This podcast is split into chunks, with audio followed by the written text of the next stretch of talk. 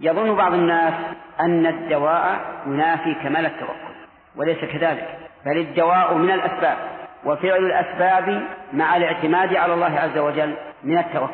ولو أن أحدا قال إنه سيتوكل على الله عز وجل ويدع طلب الولد بالزواج لقال الناس إن هذا من أسفل الخلق ولا يمكن أن يكون هناك ولد إلا بالزواج.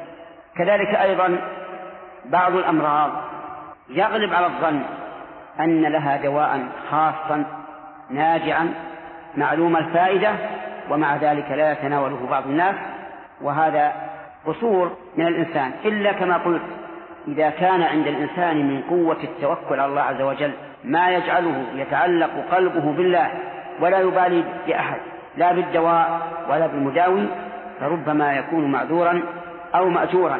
لكن من ترك ذلك تورعا أعني طلب الدواء فإنه ليس بمصيب.